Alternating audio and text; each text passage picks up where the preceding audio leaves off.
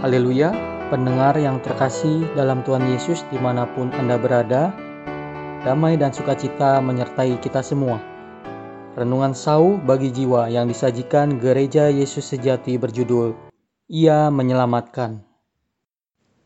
Dengan sengsara ia menyelamatkan orang sengsara. Dengan penindasan ia membuka telinga mereka.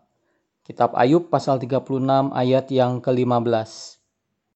Aneh, Allah menyelamatkan orang sengsara dengan sengsara, bukan dengan kelegaan. Inilah logika rohani Allah yang mengherankan.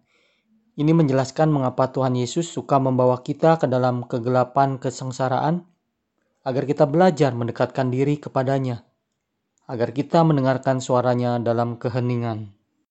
Tuhan kadang membawa kita masuk ke dalam kegelapan kesendirian, ke dalam kegelapan sakit penyakit, ke dalam kegelapan putus asa, ke dalam kegelapan kekhawatiran, ke dalam kegelapan kesulitan, ke dalam kegelapan disalahpahami orang, ke dalam kegelapan nihilnya masa depan.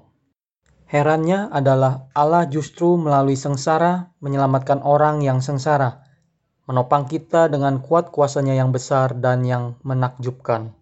Tak kala kita tertindas, dia membuka telinga kita sehingga dapat mendengar panggilan kasihnya.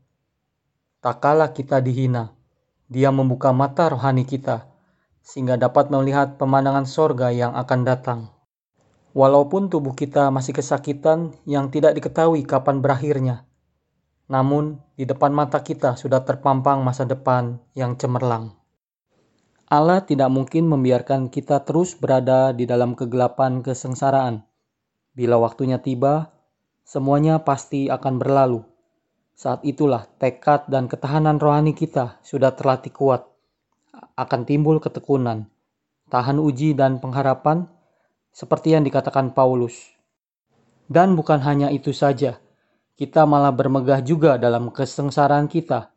Karena kita tahu bahwa kesengsaraan itu menimbulkan ketekunan, dan ketekunan menimbulkan tahan uji dan tahan uji menimbulkan pengharapan.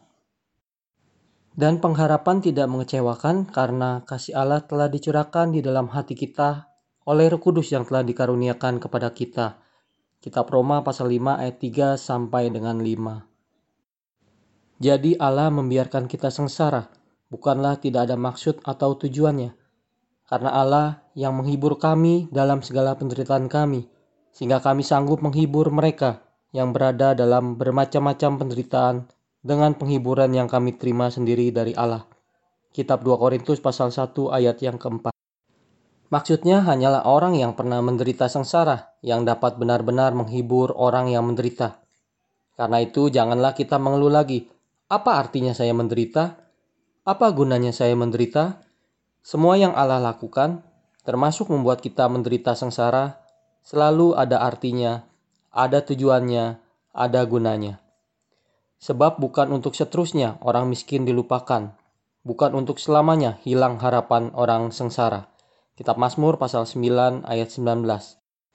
Dan sekarang, apakah yang ku nanti-nantikan, ya Tuhan? Kepadamu lah aku berharap. Mazmur pasal 39 ayat 8.